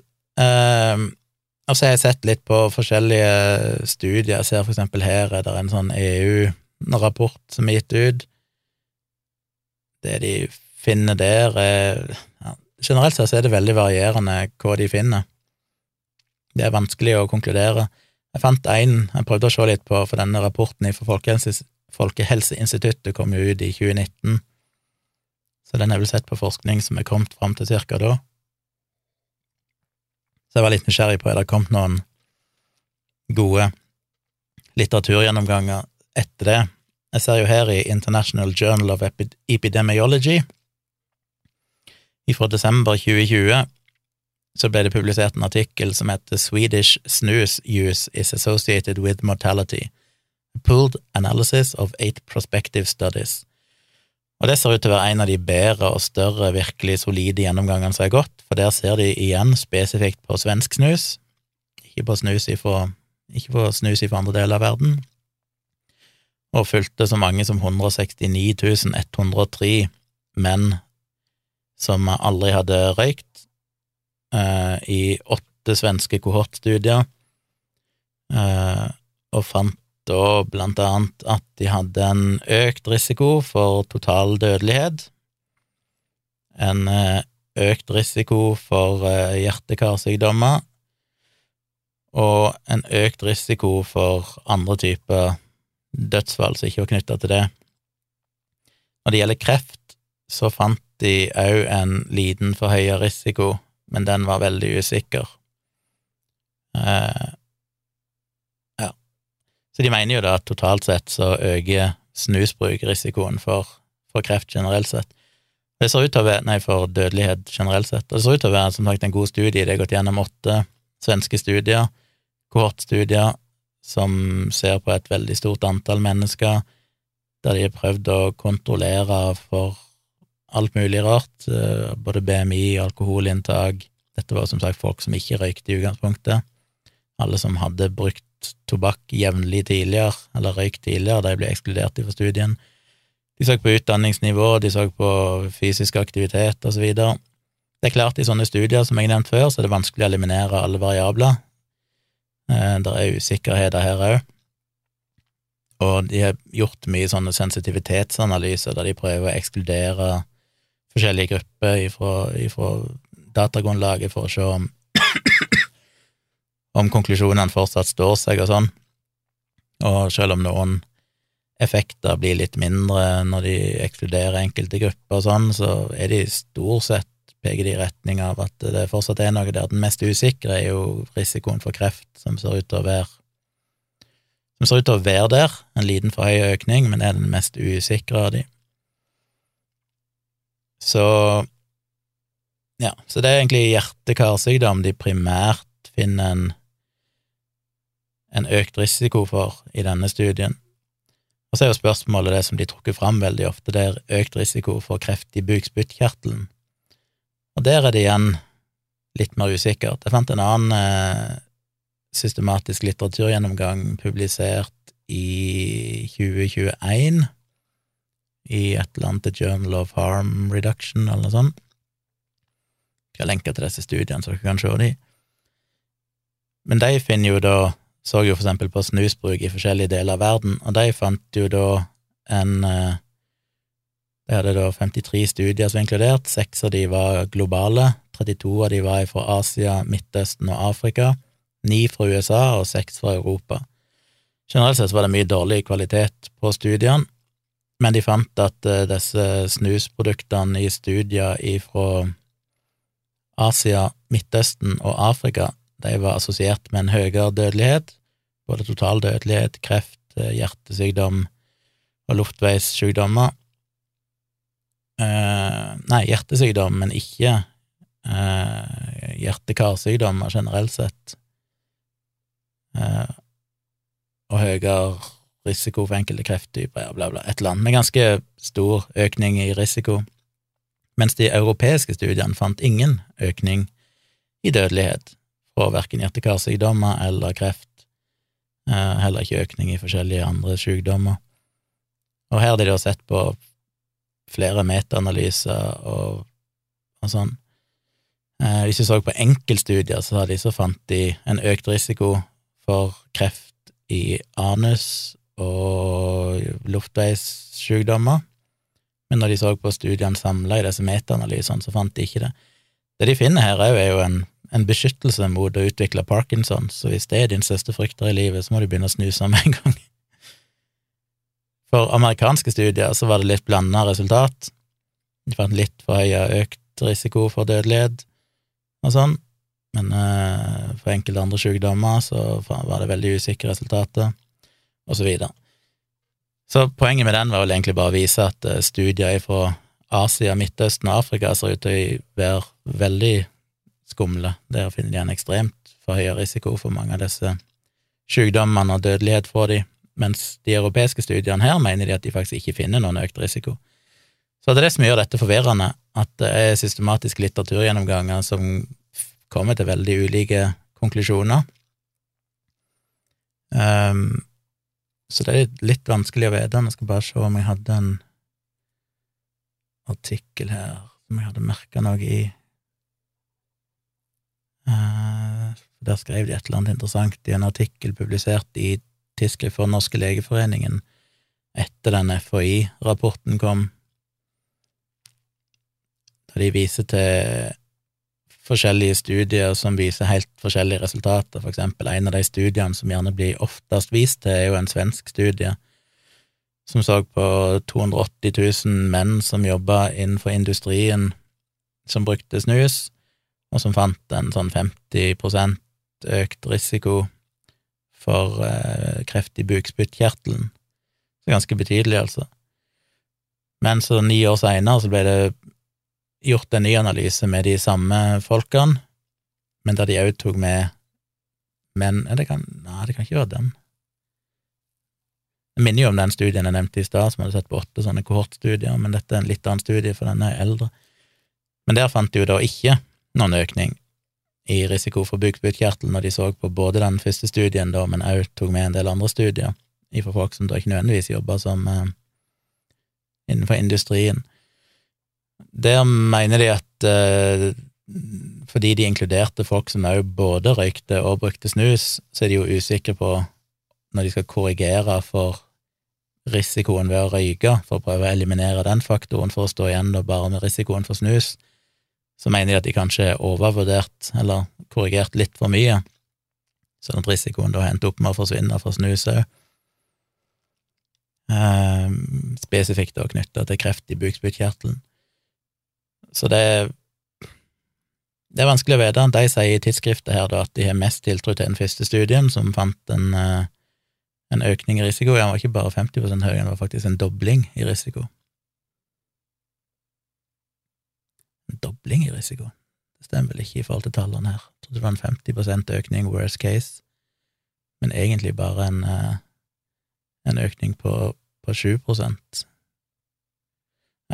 så den er ikke så dramatisk som de Det er liksom worst case da, i øvre delen av usikkerhets... Ja, litt usikkert. Dere får lese det sjøl. Poenget det er ikke det viktige akkurat hva risikoen var. Poenget er at det er forskjellige studier som viser forskjellige konklusjoner. Og det gjør dette her veldig grumsete. Så jeg vet ikke, jeg er litt usikker på de FHI-dataene, hva de inkluderte der. De skriver jo som sagt svensk snus, så jeg håper jo da at de faktisk ikke har inkludert studier fra andre deler av verden enn da spesifikt eh, Sverige, eller Norden i det minste. Men de sier jo at en del av konklusjonene deres er jo basert ikke bare på studier i faktiske mennesker, men også på dyrestudier, også på kunnskap om risikoen ved tobakksprodukter generelt sett. Um, ja, risikoen ved innholdsstoffet som er gjort i andre studier og sånn. Og det mener jo jeg er litt mer sånn usikkert med en gang du begynner på den måten. Fordi, som sagt, vi vet jo at hvis du ser på innholdsstoff i kaffe, for eksempel, så vet vi at Kaffe inneholder mange kreftfremkallende stoffer, men når du drikker kaffe, så er det fortsatt ingenting som tyder på at det faktisk øker risikoen din for kreft, kanskje det til og med beskytter mot enkelte typer kreft. Så det er alltid farlig å begynne å snakke om at du har sett på risikoen ved enkeltstoffet, for det, det trenger ikke å fungere sånn i kroppen når du får det i deg sammen med andre stoffer og i helt andre doser, og så videre.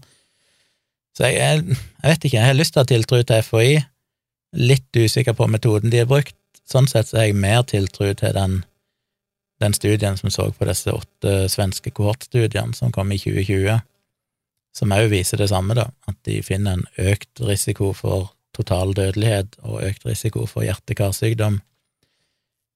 Så er det sikkert svakheter med alle studier, men skal jeg trekke en konklusjon, så er jeg nok enig med at snus neppe, selv om jeg har sagt det motsatte tidligere, da mye påvirka av disse svenske studiene som jeg tidligere har sett referert, og de sier de egentlig ikke finner noe, så er det jo Så vil jeg nok helle i retning av at det neppe er ufarlig. Jeg vil aldri sagt det er ufarlig, alle sånne ting har jo en eller annen risiko knytta til seg, men spesifikt kanskje med kreft, at det skal øke risikoen for kreft.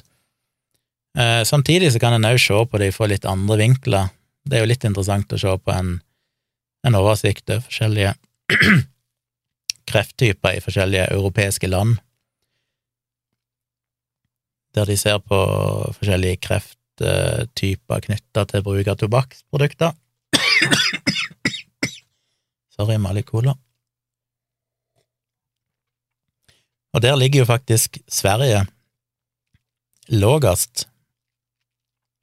Der de har lågest andel som har lungekreft, kreft i pankreas eller bukspyttkjertelen, og kreft i leppe eller munnhule.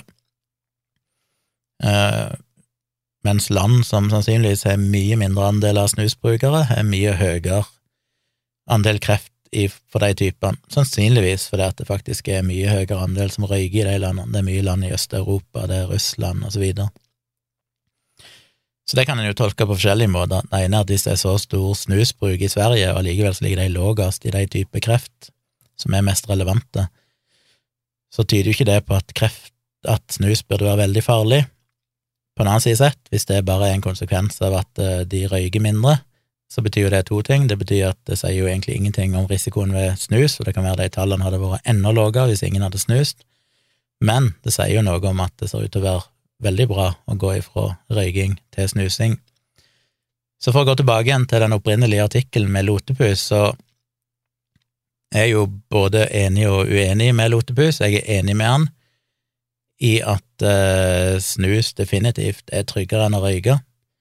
Jeg er ikke enig med han i at jeg aldri påvist noen helseskader knytta til snus, for selv om jeg føler fortsatt at dataene er usikre, så vil jeg nok helt i retning av at de kan øke risikoen for hjerte-karsykdom, og muligens òg risikoen litt for enkelte krefttyper. Eh, det med diabetes type 2 og fedme og sånn, det har jeg ikke funnet omtalt noen annen plass enn i den FHI-rapporten, så det har jeg ikke egentlig fått sjekka noe opp i. Nesten rart at det skal virke sånn, jeg ville nesten tro det var motsatt. Jeg bruker jo snus for å unngå å spise for mye, men uh, for meg er det jo en sånn spisestopp. Uh, skal en ha en snus i munnen, så går jeg ikke og småspiser hele tida. Kanskje jeg bare lurer meg sjøl, kanskje det ikke egentlig virker. Men jeg følte jeg skulle si én ting til, hva var det? Angående snus um, Hadde det på hjernen Jo, det var jo det om det faktisk virker som røykesluttmiddel. Uh, Og der er jo dataen litt splitta, men uh, Relis, den her rus... Hva er det? Nei, ikke Relis, men Åh, uh, oh, hva det heter uh, Hva ble det av den? Sirius, mente jeg. Nei, Sirus. Sirus, som jo driver og jobber med rusgreier, jeg vet ikke hva Sirus står for nå, det kan jeg ikke huske i farten. Men det er den norske Nei, nå må jeg google det, jeg kan ikke sitte her og vase. Sirus, Statens institutt for rusmiddelforskning, de har jo tidligere gått ut og meint at uh, snus er en av de mest effektive måtene å slutte å røyke på. Som jeg nevnte når jeg snakket om e-sigaretter, så er det jo nå i nyere tid, dette er jo litt eldre tall, da, men i nyere tid, de siste årene, så er det jo funnet at e-sigaretter faktisk er enda bedre. Og så er vi jo fortsatt litt usikre på risikoen med e-sigaretter, men jeg vil vel kanskje anta at e-sigaretter er enda tryggere enn snus igjen. Så du har vel et slags hierarki ut ifra de dataene vi har nå, at tobakk er jo det definitivt jævligste, det er jo bare helt crazy farlig. Eh, så kommer snus, som jeg vil anta, da, ut ifra det jeg har lest nå, er assosiert med en forhøyet risiko for dødelighet for enkelte ting. Og så er det e-sigaretter, der du foreløpig ikke har funnet noen skadelige virkninger, selv om det vil være urimelig å anta at risikoen er null, men jeg vil tro den fortsatt er lavere enn snus. Så hvis du faktisk røyker og ønsker å slutte med det, så vil jeg jo definitivt anbefale å begynne med snus. Selvfølgelig det beste er at du ikke begynner med noen ting og bare slutter å røyke, men hvis du fortsatt røyker, så er det kanskje en grunn til at du gjør det, at du ikke har klart det på andre måter. Og jeg vil jo si at selv om snus ikke er ufarlig, så er det definitivt bedre enn å røyke tobakk. Men enda bedre er kanskje å prøve e-sigaretter. Og så er det klart at jeg sliter litt med, som jeg sa når jeg snakket om e-sigaretter, så blir jeg jo provosert egentlig av de der utspillene fra Helsedirektoratet eller Kreftforeningen eller hvem det måtte være, der de har denne slags illusjonen om at vi skal leve i en tilstand med null risiko. Og derfor så vil til og med produkter som er mye, mye mindre farlig enn røyking, men fortsatt har en risiko høyere enn null, vil de liksom gå ut mot. Og det syns jeg er problematisk, fordi det har jo ført til, som jeg sa når jeg snakket om e-sigaretter, at i undersøkelser i, England, og jeg vil tro det sikkert er ganske likt i Norge, så tror jo faktisk mange at e-sigaretter er enten like farlig eller farligere enn å røyke vanlige sigaretter, fordi det har vært så mye skremselspropaganda rundt det. Og det er jo en enorm utfordring for folkehelsa, fordi at hvis folk ikke hadde hatt den feiloppfatninga, så hadde jo sannsynligvis mange flere kunnet slutte å røyke, og det ville hatt en enorm gevinst for folkehelsa. Så det, jeg skjønner jo hvor de kommer ifra, at det er vanskelig for de å si at ja, begynn å snuse, for de vil jo egentlig ikke anbefale noen ting som er potensielt farlig. Men du må være litt sånn pragmatisk òg og si at det er såpass mye mindre farlig enn å røyke, at hvis du kan begynne med snus, så gjør nå heller det, og så kan du heller trappe ned til noe annet, kanskje e-sigaretter, eller helst da ingenting til slutt. Men hvis det er det som må til for at du skal slutte å røyke, så for all del kjør på. Så jeg, jeg blir litt sånn jeg skjønner hva de vil komme ifra, men jeg blir litt provosert av at de går så hardt ut mot snus på den måten, for det må jo uansett være bedre enn å røyke. Og det ser jo som sagt ut til å være et veldig effektivt røykestoppmiddel. Så hva skal jeg gjøre, da, som snuser og røyker litt e-sigaretter i tillegg? Jeg må innrømme etter at jeg har sittet og lest meg litt opp på dette her nå, så er jeg nok blitt eh, mer kritisk til å fortsette å snuse fordi jeg har nok risikofaktorer fra før. Jeg er både overvektig, jeg får ikke nok mosjon, og så videre. Så for meg så tenker jeg jo at uh, det var litt interessant å se i den der svenske, eller den litteraturgjennomgangen av de åtte kortstudiene, de sammenligna de forskjellige gruppene, så var jo faktisk de som trente mest i de var det, over 100 000 menneskene de hadde fulgt, det var jo snusbrukere. Så bruk av snus var ikke assosiert med nødvendigvis noen som var mer latsabba, det var tvert imot. Men, eh, men, ja, jeg er vel kanskje en del risikoaspekter i utgangspunktet, så jeg må jo innrømme at um, jeg nok burde slutte å snuse, og det er jo andre fordeler med det òg, med tanke på misfarging av tenner og alt mulig. For meg er jo snusen jeg tror jeg vil Jeg hadde ikke noe problem med å slutte å røyke, jeg slutta jo cold turkey å røyke. Det var ikke sånn at jeg gikk over til sigarett eller snus, jeg bare slutta å røyke, og så var det greit, liksom. Eh, selvfølgelig er jo det, jeg kan le litt av det, for jeg begynte jo med sigaretter seinere, men det tok noen år, og det var nok mer fordi at jeg bare ja, Det var egentlig mer psykologiske grunner til at jeg bare hadde lyst til å ha et eller annet. Det var ikke fordi jeg egentlig følte noen trang. Det høres ut som jeg lurer meg sjøl, for det er jo litt fascinerende med nikotin, det er jo at det er basically en sånn mind virus som gjør at du tror at det hadde ingenting med nikotin å gjøre, jeg hadde bare lyst til å røyke e-sigaretter eller begynne med snus fordi jeg kjeder meg, men det er jo nettopp det som er effekten av nikotin, på mange måter. Jeg prøver å være selvkritisk rundt det, men jeg, jeg tror nok jeg med hånda på hjertet sier at jeg følte ikke noe sug etter nikotin. Det var mer en sånn sug etter en form for belønning, at jeg hadde liksom ingenting å ty til, jeg var singel, bodde alene, jobba mye. Så følte jeg liksom på kvelden, så istedenfor å spise en sjokolade, så kunne jeg ikke ha en e-sigarett, liksom. Det følte jeg var en sånn, da har jeg liksom et eller annet å liksom feire med. Det var mer en sånn holdning til det.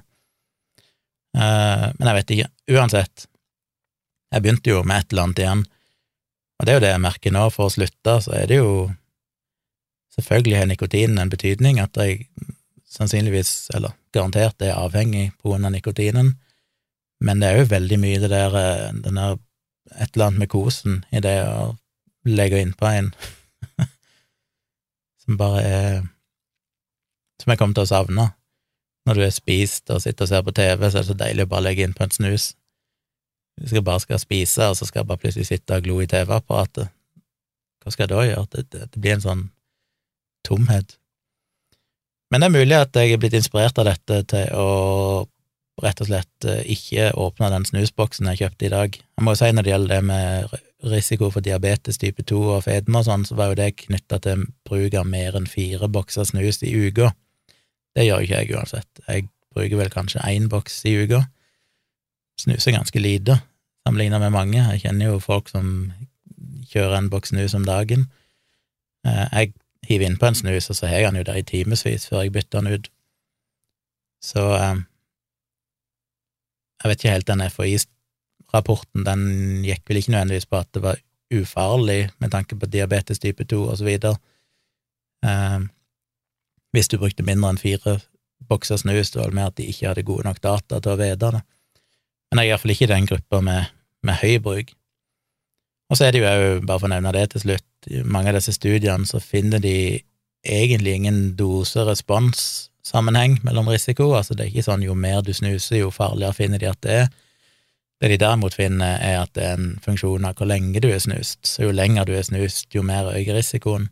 Men de finner òg at på samme måte som med røyking, at hvis du slutter å snuse, så faller faktisk risikoen ned til samme nivå som om du aldri hadde snust før, i løpet av relativt kort tid. Og det er jo en av de der oppløftende tingene. Det er ikke sånn at hvis du først har begynt å røyke eller begynt å snuse, så er du fucked.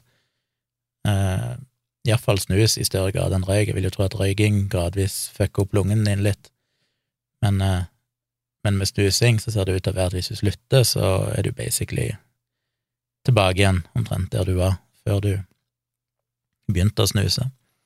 Og det er jo en inspirasjon til å slutte, for da føler du iallfall at eh, du ikke tapt noe på å ha snust en periode i utgangspunktet. Litt mer nyansert enn det, men sånn en grei ting å, å tenke på. Så jeg får se. Jeg vet ikke om noen ble noe klokere av det. Jeg skal iallfall legge ved noen av de mest relevante linkene, så får dere jo lese sjøl hvis dere er nysgjerrige. Se litt på det. Hvis det er noen som har noen innspill. Jeg ønsker, Det er sikkert mange som har noen meninger om dette, og det er sikkert ting jeg har oversett, så send gjerne det til tompratpodkast.gmail.com. Veldig ofte så fortsetter jeg jo praten i neste episode, fordi jeg må korrigere ting, eller nyansere ting, eller supplere med ny informasjon. Og det er jo sikkert mange flinke folk der ute som hører på, som kan gi meg mer informasjon. Så send det på mail til meg, så skal jeg ta for meg det i neste episode, hvis det er relevant. Da tror jeg jeg var ferdig. Shit, det ble en lang episode nå òg. Jeg skal liksom alltid ha en kort episode, tenker jeg, og så blir det altfor lenge. Men jeg håper dere setter pris på å lytte. Har noe mer å si? Ikke uh, skynd dere inn og bli Patrion og alt det der der. Det betyr veldig mye for det jeg driver med. Eh, blir vi gjerne med på livestream. Vil gjerne ha flere, det pleier å ligge på en rundt 50 som ser på. Under pandemien så lå vi oppe i en nesten 100, som regel, mellom 80 og 100, så det sunket betydelig etter at folk ikke lenger måtte være tvunget til å sitte innendørs på kveldene. Men hyggelig om vi hadde klart å øke tallene litt igjen og få enda flere til å, å se på. Um, ja, jeg tror det var alt. Vi skal prøve å få spilt inn en dialogisk i slutten av uka når jeg skal til Oslo, så det kommer vel en dialogisk eh, til helga eller neste uke, sikkert, for de som følger med på det, meg og Dag Sørås, med litt innspill fra Tone av og til.